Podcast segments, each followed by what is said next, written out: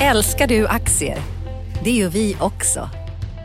Sea Worldwide Asset Management är en av Nordens största oberoende aktiva aktieförvaltare och har samlad kunskap sedan 1986.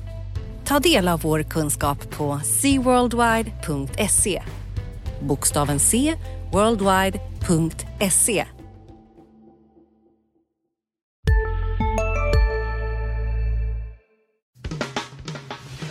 Analyspodden från Dagens Industri. Hej! Eh, välkommen till veckans avsnitt utav Analyspodden, Dagens Industris podd som handlar om börs och makro. Eh, jag heter Agneta Jönsson och eh, idag har jag med mig min kollega Henrik Mittelman. Hej Henrik! Hej! Hur är läget hos dig där nere i Skåne? Mycket bra. Solen skiner, eller ja, åtminstone bakom molnen. Och i Stockholm då? I Stockholm är det bra också. Nu är det första dagen som det är fint väder på länge här. Däremot är det inte lika roligt på börsen här. Jag såg att eh, OMXS30 var ner 1,8 procent när jag gick in i studion här. Mm. Handelskrig, konjunkturell oro, eh, centralbanker som försöker gripa in men klarar de att rädda världen? Det är väl ja. det som är frågan. Det var en väldigt bra sammanfattning det där.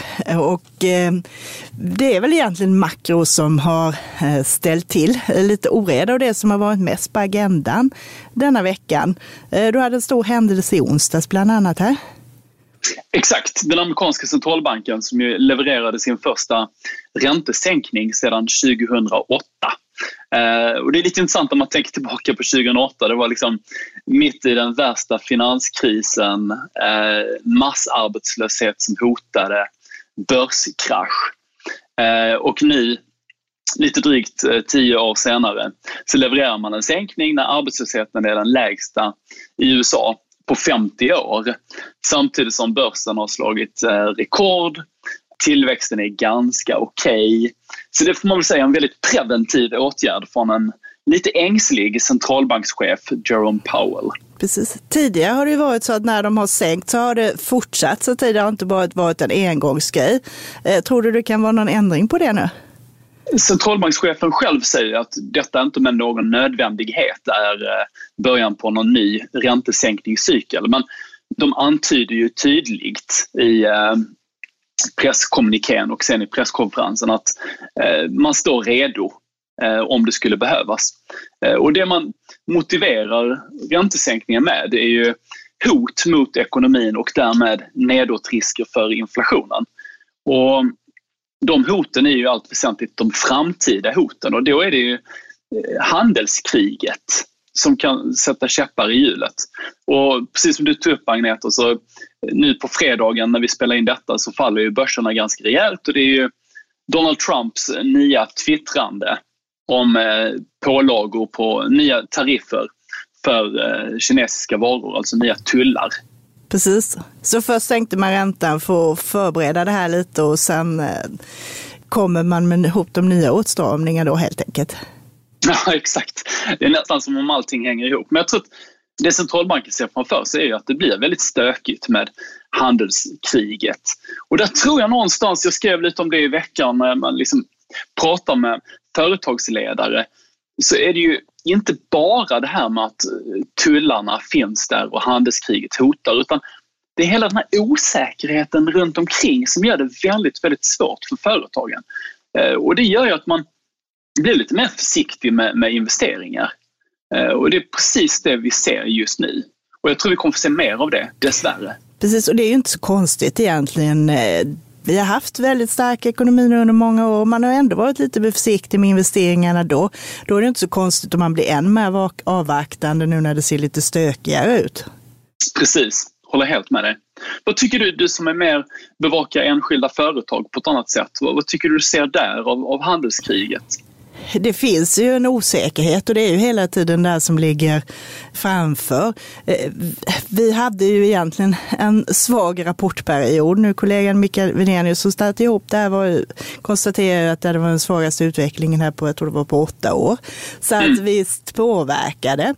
Sen för min del eh, som framförallt följer banksektorn så är jag ju inte helt nöjd med den här eh, ränteutvecklingen så att säga, med minusräntorna och att man inte har lyckats eh, komma tillbaka till mer normaliserade nivåer när vi trots allt har haft det ganska bra ett tag nu. Exakt. Och där är det ju lite anmärkningsvärt att den amerikanska centralbanken är ju en av få som ändå har lyckats att inte normalisera räntan, men i det närmaste normalisera räntan eh, och fick upp den till 2,5 procent som börjar närma sig något normalläge i dagens lågräntemiljö. Eh, men sen har vi till exempel den svenska riksbanken som hade en hel högkonjunktur på sig att höja räntan men som misslyckades även med det. Eh, och det är klart det, det präglar ju banksektorn. Det är en utmanande miljö för bankerna det märks ju nu att de får det tuffare så att säga, så att det är lite av ett bekymmer. Men vi kanske ska prata lite mer om det här med ekonomin överlag. Eh, vi har ju fått, vi fick ju svensk BNP nu, men du tror ändå inte riktigt på det här att det blir recession, kunde vi läsa i tidningen idag här. Ja, alltså det var ju tråkiga siffror vi fick och ekonomin krympte under andra kvartalet. Men för att det ska definieras som recession så ska det som bekant vara två kvartal i rad med fallande BNP. Så vi behöver ett kvartal till för att hamna i den här, eh, om vi nu ska prata riktigt ekonomistiska, eh, den här formella recessionen. Eh, jag tror nog mer på en trist utveckling än en riktig recession. Mycket beroende på att vi kommer från en miljö med ganska fina excesser eh, fastighetsrelaterade sådana. Hushållen har känt sig väldigt välbärgade när fastighetspriser har stigit eh, och man har renoverat det där köket som man kanske annars inte skulle göra. Eh, nu börjar det lugna ner sig lite grann, men räntorna förblir låga. Finanspolitiken är någorlunda expansiv. Så att mot den bakgrunden så tror jag att vi klarar oss ifrån en recession man ska inte heller glömma att kronan är ju väldigt svag och det gynnar ju en del exportbolag eh, som håller svensk industri lite under armarna när resten av världens industrisektor mår ganska dåligt. Så, så har Sverige en liten fördel där i kronförsvagningen. Eh, och det tror jag gör att vi kanske undviker en, en recession denna gång. Är en trist ja, utveckling. En trist utveckling. Och det blir lite där som de brukar skriva i engelska rapporter, det här muddling true-scenariot. Så att säga. Man här hankar sig fram lite, det har ingen direkt tillväxt men inte riktigt eländigt heller då med andra ord. Exakt så. Och då kanske vi kan få lite hyggligare på börsen. Då är vi utbakade i det här med att räntorna håller börsen under armarna. Och det som man inte riktigt har sett det är ju egentligen den här eh, multipelekvationen, så att säga uppvärderingen. För där du har inte så himla mycket högre värdering utav bolagen om du nu tar hänsyn till räntan. Om vi jämför med hur det brukar vara annars när man ligger på konjunkturtoppar så att säga. Vad tror du det beror på? Jag tror att man inte riktigt tar till sig det här, eller eh, jag tror inte att aktiemarknaden tar till sig fullt ut att det kommer vara låga räntor för en längre tid och det har man liksom inte riktigt gjort hela tiden. En aning har man gjort om man handlar upp på fastigheter och så, den typen av andra bolag, men man har inte tagit till sig det riktigt i värderingsmodellerna. Det ser man ju också på den här riskpremien så att säga som man använder eh, när man beräknar avkastningskrav och sånt. Den har ju inte gått upp så himla mycket. Nej, men det är lite intressant också apropå på riskaptit. Du skrev ju häromdagen om att eh, volatilitetsindex, VIX eller skrämsel eller skräckindexet var nere på väldigt låga nivåer vilket förebådade liksom vilket ju antyder att, att investerarna då för någon dag sedan eh, såg framför sig att allting är frid och fröjd. Precis. Eh, och sen nu har den, som du också påpekade, ju, eh, så liksom, är det ju också ett tecken på att minsta lilla avvikelse från detta positiva scenario kan ju få ganska rejäla konsekvenser. När man förväntar sig att solen alltid ska skina så blir man ju överraskad när det börjar regna. Precis. Eh, och nu, idag har vi fått en rejäl upptick på just VIX. Jo men det blir det ju och det är ju, jag tycker det är rätt bra att använda den just som en sån här indikator när du kommer ner på de här nivåerna 10, 12, 13, att man ska vara lite observant och är man tungt in i aktiemarknaden och har stor risk, då kan det vara bra att backa ett par steg och kanske säkra sig lite, köpa lite säljoptioner eller ta lite likviditet. Det är en ganska billig grej att göra så att säga. Mm. Mm. Och det såg vi ju nu här. Det räckte ju med eh, ett par tweet från herr Trump för att vi ska åka ner nästan 2 procent. Mm. Så det är en bra, och den kan liksom alla hålla koll på. Det finns tillgängligt på gratissajter och sånt där också, så det är en ganska enkel grej att göra. Sen händer det ju mycket annat här också. Eh, du var inne på det här i sommar, eh, lite på samma tema, det här med att börsen och makro går eh, lite åt olika håll. Ja? Mm. Jag tycker det här gapet är lite läskigt. Alltså det här gapet mellan en aktiemarknad som verkar ganska positiv, eh, förvisso då fredagens dagens nedställ, men ser vi över liksom de senaste månaderna så är det ju ett rejält börsrally. Trots att de ledande indikatorerna har vänt ned och det gapet oroar mig. Jag tycker det är lite besvärande att se alla dessa indikatorer. Då tänker jag inte minst nu under veckan på inköpschefsindex från Europa som ju pekar ned ganska ordentligt. Eh, inte minst i de stora länderna. Eh, Tyskland lider av fordonssektorns problem och en allmänt svag omvärldskonjunktur. Italien, trist. Så att jag tror att det som eh, är besvärande här, det är just det här att marknaden verkar liksom inte ta till sig det. Alltså det är lite sådär som, jag tänker på det när man, eh, man, man går ut och ska ta ett litet morgondopp i början av september och man tänker att ja, men det, är, det är någorlunda fint väder idag. Men man vet liksom att man kan inte intala sig själv att hösten aldrig kommer. Eh, och lite, lite där är vi på något sätt nu. Alltså, marknaden verkar liksom inte bry sig riktigt om att de här indikatorerna faller eftersom centralbankerna i slutändan alltid kommer att lösa allting. Och det är obehagligt, för det är mycket bättre ifall om börsen drivs av, av riktiga vinster, riktiga människor som skapar någonting. Jo, men förr eller senare så kommer du ju hamna där ändå. Det kan ju inte eh, gå åt olika håll hur länge som helst, men det brukar ju vara så att liksom när det är en sån här trend att det fortsätter lite längre än vad det borde så att säga. Mm, precis, och det kan man ju aldrig veta när den här trenden slutar. Eh, dessvärre för, för alla läsare och lyssnare så är det ju så enkelt. Eh, det går helt enkelt inte att veta när marknaden börjar fokusera på någonting annat. Nej, däremot behöver du inte köra med full fart mot stupet så att säga, så du kan ju Nej. Positionera om det lite för i och med att som sagt man vet att det kommer. Precis så. Och hur skulle du göra då?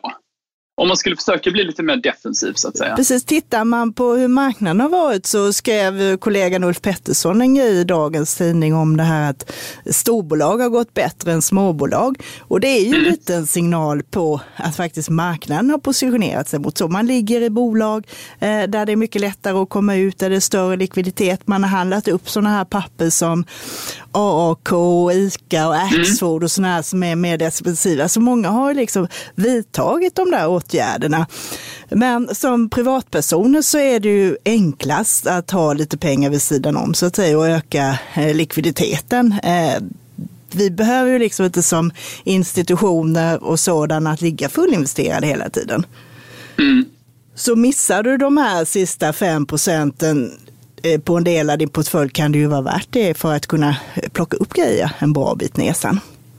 Så lite torrt krut Precis. är aldrig fel. Nej, och sen det här liksom, klassiska som jag skrev lite om i somras också, att kanske titta på lite andra tillgångslag som råvaror eh, och sådana mm. här. Det finns ju också sådana här infrastrukturfonder och andra sådana här som också är lite lägre risk i som man eh, kan peta in i sin privata portfölj om man vill minska risken. Det är lite fascinerande när man tittar på på Stockholmsbörsen, så du nämner ju AAK som är ganska någorlunda konjunkturokänsligt eller mindre konjunkturkänsligt som ju har gått hur bra som helst under de senaste veckorna. Eh, mot det står ju till exempel Swedish Match som gör snus. Ja. Eh, och snu, snusar tenderar vi att göra även i lågkonjunktur. Det är ju också ett ocykliskt, till och med kanske lite kontracykliskt bolag. Men ändå har det gått väldigt dåligt på sistone? Ja, en del. Dels är väl den inte jättelågt värderad utan ganska högt värderad och sen har du väl det här också att det kanske påverkar lite Jag vet tidigare när vi har skrivit om Swedish Match så har man fått en del läsarmejl som tycker det är oetiskt att rekommendera den typen av mm. aktier i och med att det är tobak och det är... Så det finns nog en del som inte investerar i Swedish Match utav etiska skäl också. Okej. Okay. Men du, jag tänker på andra bolag som är ganska konjunkturokänsliga, som jag vet att du fokuserar på, Securitas.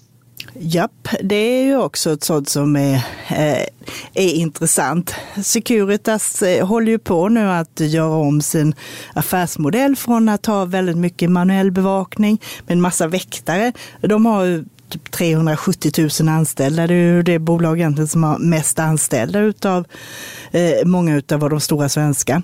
Och eh, då har du inte så jättehöga marginaler på den verksamheten. Och då gör man så nu att man försöker omvandla det här till att gå över till mer digitalt innehåll. Du ska ha mer eh, så att säga, teknikinnehåll i tjänsterna och då kan du ta lite bättre betalt. Så nu har man kommit att den delen av verksamheten eh, motsvarar 21 procent utav omsättningen, men det är fortfarande så att säga väldigt mycket utav det eh, traditionella. Har du också valt att bli egen? Då är det viktigt att skaffa en bra företagsförsäkring. Hos oss är alla småföretag stora och inga frågor för små. Swedeas företagsförsäkring är anpassad för mindre företag och täcker även sånt som din hemförsäkring inte täcker. Gå in på swedea.se företag och jämför själv. Sista dagarna nu på vårens stora season sale. Passa på att göra sommarfint hemma, både inne och ute och fynda till fantastiska priser. Måndagen den 6 maj avslutar vi med Kvällsöppet i 21. Välkommen till Mio.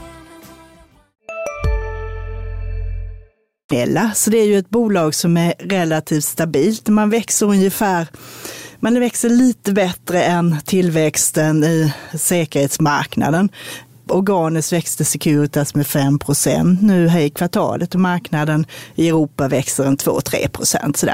Försäljningen ökar lite mer, 7 procent och där har du också Securitas, ett sånt där bolag som successivt gör mindre förvärv som passar in då i deras eh, strategi. Så att där växer man lite mer. Och du har en marginal som ligger runt 5 procent. så det är en väldigt stabil eh, verksamhet. Så det är en sån här aktie du ska köpa när den dippar lite. Eh, nu åkte den ner här på den här rapporten därför att aktien hade hållit jämna ställ med börsen i år. Den har gått upp 15 procent, vilket var lite mycket. Nu fick du ett nedställ. Så det är typ när du kan eh, plocka in och köpa på dåliga dagar och sen kan du få en hygglig avkastning och en direktavkastning på en 3 procent till dess. Jag såg att uh, Securitas uh, styrelseordförande Marie Erling passade på att shoppa loss nu när eh, kursen gick ner rejält. Ja, ja, blev det? Igår, igår blev det Precis, det var ju efter rapporten där som eh, hon köpte 3000 aktier. Och det är klart, de har ju det här att de får ju inte handla heller innan rapporten och sånt där, så att de har ju ett fönster när det är okej. Okay. Och handla när de har information som alla andra så att säga. Men det är väl ändå positivt. Det var väl upp mot en halv miljon hon stoppade in där och det får man väl ändå säga är en hygglig peng. Mm. Och då kan man faktiskt idag plocka upp den på nästan samma nivå som Marie Erling gjorde. Alltså runt 150. Precis, det kan man göra. Sen nästa fredag så kommer ju deras stora konkurrent, dansk-brittiska G4S, som har haft det lite tuffare i sin eh, omställningen vad Securitas sa. Så det ska bli intressant att se vad de har att säga om marknaden framöver. här. Men som sagt, Securitas, jag gillar bolaget. Det var bara att den var lite högt uppe innan rapporten här. Sen kommer de också här i slutet av året att eh, presentera ett omställningsprogram, hur de ska göra för att få upp eh, marginalerna lite på den europeiska marknaden. Så i slutet av året så kommer man få veta lite mer om det. Så det kan man hålla ögonen på också. Det är lite intressant utifrån mitt makroperspektiv att det var väl marginalneddragningen, det man oroar sig för vad gäller Securitas. Det var väl den här risken för lite löneinflation bland de anställda. Ja, och det hade du ju nu i Frankrike och Nederländerna, att man inte kunde höja eh, priserna så att säga i samma takt som lönerna ökade. Och det är ju också ett sånt där, som du säger, sencykliskt fenomen att då börjar lönerna stiga men man har då svårt att hänga med, kanske höja sina mm. priser. Historiskt har de varit duktiga på det, men det gjorde just, det har du rätt i, att det var det som påverkade Europa här och att rapporten mottogs lite dåligt. Man hade också tappat en del lite större kontrakt i Europa som också satte press på det hela. Du har också, Agneta, skrivit om, eh, om Hoist. Japp, både de och Intrum är sådana som jag har koll på också. Mm. Och eh, där blev det ju drag eh, på rapporten. Den var eh, okej, okay. de hade en vinst som var 5% bättre än väntat. Men det som satte fart på det hela var att de gör ett samarbete nu. Deras affär är ju att de köper förfallna fordringar det kan vara förfallna konsumentfordringar som blankolån. Det kan vara andra låneportföljer med säkerheter med små och medelstora bolag eller till och med boportföljer från andra eh, banker. Och sedan så tar de och driver in de här pengarna och eh, tjänar bra på det. Det som hände i, innan årsskiftet var att det kom nya regler från EU för alla banker. Och eftersom Hoist är en bank, de finansierar ju sin egen verksamhet till 70 procent med inlåning, framförallt från privatpersoner då i Sverige och Tyskland, så omfattas de av bankreglerna. Och det som kom då var att om du som bank har förfallna fordringar och dåliga lån på din balansräkning, där du inte har säkerheter, då ska du ha öka andelen eget kapital från 100 till 150 på den typen av fordringar. Och det gjorde att eh, Hoist åkte i backen. Och det var också olyckligt för de hade precis några veckor innan haft en kapitalmarknadsdag där de hade lanserat nya finansiella mål. Och det här då innebär ju att de behöver öka eh, sitt egna kapital, vilket gjorde då att de också nu har fått revidera de här eh, finansiella målen. Så innan de här reglerna kom så var målet att ha en vinsttillväxt på 15 procent per år. Nu fick man justera ner det till 10. Man ville ha en avkastning på eget kapital på 15, där har man också gått ner till 10. Så att eh, det ställer till eh, det här eh, för dem lite och det gör att de har haft det tufft under våren. Sen jobbar man nu med att hitta åtgärder för att eh, kunna fortsätta med den här verksamheten men ändå inte behöva ta in så mycket extra eh, kapital. Det första man gjorde var att man ställde in utdelningen i år. Man kommer inte ge någon utdelning nästa år heller. Och sen försöker man hitta samarbetspartner. Och det kom nu att man har hittat en partner som heter Kaval. Det är ett sånt investeringsbolag som också har samarbetat med Intrum. Och då gör man särskilda bolag. Du kommer ihåg kanske det som kallades för SPV, sådana här Special Purpose Vehicles, mm. som är bolag som bara äger tillgångar utanför så att händer något negativt så åker inte det egna bolaget i backen så att säga. Och då har man skapat ett sånt och lagt över två miljarder i fordringar och så, så har man det här ihop med Kaval då, vilket då blir underlättar för Hoist. Så det var en positiv grej. Sen kommer man också värdepappersrisera det här, det vill säga att man emitterar värdepapper som har säkerhet i form av de här fordringarna. Det är ju också ett recept som vi känner igen eh, från finanskrisen när man jobbade med väldigt mycket av den här typen av grejer. Och det gör att Hoist håller sig på att arbeta sig runt eh, den här vägen. Och de är ju inte ensamma om det här. Intrum jobbar ju med samma saker fast i ännu större skala. Eh, Hoist är ju mindre, de har ett börsvärde på 4-5 miljarder. Intrum är över 30. Och väldigt många av de stora europeiska bankerna har kvar dåliga lån, det vill säga sådana lån där man inte betalar räntor eller amorterar på i sina balansräkningar. Och ECB vill ju inte att det ska vara så. Eh, kommer vi in i nästa kris som man går in eh, med lån som redan är problem innan vi ens har kommit in i en lågkonjunktur kan du tänka att läget inte är så kul. Så att det är ganska angeläget att man får ordning på bankerna. Mm. Och det gynnas ju, de, de här bolagen eh, kan ju göra bra affärer på det helt enkelt. Så att eh, Intrum har varit positivt länge. Jag tror det finns mer att hämta här. Däremot tror jag att det kanske behövs för Hoys del att man faktiskt visar att man klarar av att ändra sina affärsmodeller så att man tar igen det här förtroendetappet när man blir tagen på sängen på de här reglerna. Så nu när aktien har gått upp en 10 kronor eller vad det är till 57, vad är rekommendationen då? Jag tror du kan avvakta lite, sen kommer det ju mer saker därifrån. Tittar du värderingsmässigt så är ju Hoist eh, väldigt nedtryckta nu. Eh, och det beror ju på att man har lite förtroende, vad kan man säga, förtroenderabatt. Man vill se hur bolaget hanterar det här. Och Eh, jag skulle också vilja se lite mer innan jag skulle kasta mig in i det. För att det vet vi ju alla att om du gör samarbete nu som man gör med det här Kaval och man kommer göra andra sådana saker, då får man ju också dela med sig lite. Eh, ska andra mm. vara med och dela på kakan blir det ju inte lika lönsamt som om man kan göra arbetet själv. Så att ungefär så ser jag på de här två bolagen. Men tyvärr så är det ju, får man väl säga, det är ju verksamheter som eh, växer också på grund av att eh, bankerna har det lite tufft på många av de här områdena. Och det är ju ofta också så att eh, systemviktiga banker, de vill ju använda sina balansräkningar så optimalt som möjligt. Och då säljer man bort sådana här eh, grejer som drar mycket kapital. Mm. Så att sen fick vi ju en stor affär, kanske inte vi ska glömma att säga, eh, eller ett bud rättare sagt. Veckan började ju med att storägaren Mellby Gård la kontantbud på Kappahl. Du tänker att jag borde vara uppsjungen på det eftersom jag är skåning? Eller hur? Jag tror, har inte ni koll på sådana här grejer där nere? Nej, men det, jag, jag kan, jag kan, det, det är verkligen inte uppsjungen på. Jag tycker bara det är intressant jag tycker företeelsen är väldigt spännande. Att man liksom vill köpa ut saker och ting från börsen. Köpa ut bolag från börsen.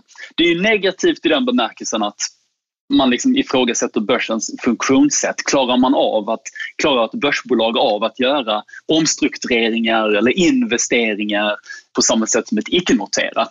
Det är väl den ena frågan. Men sen är det väl lite, lite positivt att eh, Rune Andersson med sin son och resten av familjen ser potential. Visst är det så. Det är ju det som är bra med de här storägarna kött och blod också. Det är ju att ta ett ansvar på det här sättet. Eh, det som var lite speciellt med Kappahl, det var precis som Oriflame och tidigare Nordnet, att budet kommer när bolaget har det jobbigt. Både i Oriflame och Kappahl så var kursen nere på lägsta nivå och det är väldigt tufft och då tycker många att nej, men ska de köpa ute nu, då får ju de alla pengarna när det vänder. Men sen å andra sidan, aktiemarknaden är ju inte beredda att värdera det för en turnaround så att säga. Nej. Så att eh, här får man ju ändå en premie på 43 procent och börsen vill ju inte betala 20 kronor, de vill ju bara betala 13. Så att mm. eh, där får man väl titta lite egentligen på aktiemarknadens eh, funktionalitet eh, om man gör det. Och sen är det ju som du säger att det är lättare att kunna göra grejer utanför börsen därför att vi ändå har lite det här kvartalstänket. Eh, man kan göra snabbare åtgärder. Man behöver inte tänka på vad som händer med aktiekurser och sådana här saker. Och sen i Kappahls fall så var det att Mellby Gård äger också andra bolag i sektorn. Man äger de här kedjorna D. Axelsson och Flash. Så man har ett bolag som heter Lund Fashion. Man, på här sidan äger man med Oskar Jakobsson. Så att man ser också samordningsfördelar med det eh, man redan har. Så nu kommer det här ta sin lilla tid. Man behöver inte svara från 20 september, men jag tror som i Orify-fallet så är det stora möjligheter att det här eh, budet går igenom. Mm. Och det kan ju också vara att vi får se fler bud. Det ju, finns ju andra bolag på börsen som säkert också kan vara intressanta att eh, titta på. Så att vi får se, kan bli fler bud framöver här. Eh, och det kan ju pigga upp om vi får, kommer in i en lite tråkigare period nu. Det är det vi får hoppas på. Det var väl de grejerna som jag har tittat på här i veckan. Eh, nästa vecka så är i princip rapport perioden slut. Något som jag tycker är spännande är att vi får eh, eh, Sampo som jag tittat på kommer på onsdag och då kommer de också att göra den här utdelningen utav Nordea-aktier som man har aviserat tidigare. Så för varje tio Sampo-aktier man har så får man en Nordea på torsdag. Det gör kanske att det påverkar lite på Nordeas kurs här också. För många av de här som bara får några stycken Nordea är väl stor risk att de inte behåller dem så att säga. Så lite risk där för Nordea i den bemärkelsen. Precis, annars är det ingen större grej. Man gjorde ju det här för utav rent försäkringstekniska skäl så att säga för att det påverkar eh, hur mycket kapital de behöver ha om det räknas som ett intressebolag. För då här, om man äger 20 procent i ett bolag så räknas det som ett intressebolag och då gick man ner från 21 till 19,86 procent för att eh, regelmässigt eh, komma undan det här. Så det är liksom ingen stor grej annars. Nalle Wahlroos kan sina regler. Han kan sina regler och Eh, så det är som sagt var ingenting som man behöver bry sig om. Men det kan vara intressant att se hur det går för Sampo. Det tycker jag också är ett sånt där eh, stabilt intressant bolag om det är lite sämre tider. För du har hela den här försäkringsrörelsen med sakbolaget If som många av oss har försäkringar i. Och då har också man en stor del i danska Top Danmark som är en sån här stabil intjäning och sen har du då innehavet i Nordea som har dragit ner avkastningen för dem en del här. Just det. Och på min front, på makrofronten, så är det även där lugnare. Nu har vi ju gått från liksom en period med centralbanker som har satt agendan. Vi har fått massor med ledande indikatorer eh, och nu går vi in i en ganska lugn vecka. Eh, det är eh, inköpschefsindex i USA på för tjänstesektorn som har hållit uppe ganska väl på måndag. Det blir lite spännande. Eh, annars är det inte mycket att rapportera om. Brittiska BNP-siffror på fredag som säkert blir ganska usla. Den brittiska ekonomin går inget vidare just nu och den brexit-osäkerhet som präglar landet gör ju inte sitt till för att underlätta. Nej, då kan ju du ta det lite lugnare nästa vecka då helt enkelt kanske. Eller hur? Precis, så får vi kämpa på här på bolagsfronten tillsammans med alla andra. Eh, ska vi ge oss här för idag och önska våra lyssnare en trevlig helg kanske? Tack för idag. Tack ska ni ha och eh, glöm inte att lyssna på våra andra poddar också. Vi har eh, Morgonkoll som fortfarande är varje morgon. Vi har Digitalpodden och eh, Smarta pengar, Förnuft och känsla och Makrorådet. Och så, här, så har ni ingenting att göra så finns det massor med gamla avsnitt som ni kan lyssna på där också. Så länge så ha det bra i sommarvärmen i helgen och du får också ha det så himla bra Henrik. Tack så mycket, detsamma. Hej! Hej! Analyspodden från Dagens Industri. Programmet redigerades av Umami Produktion. Ansvarig utgivare Peter Fellman.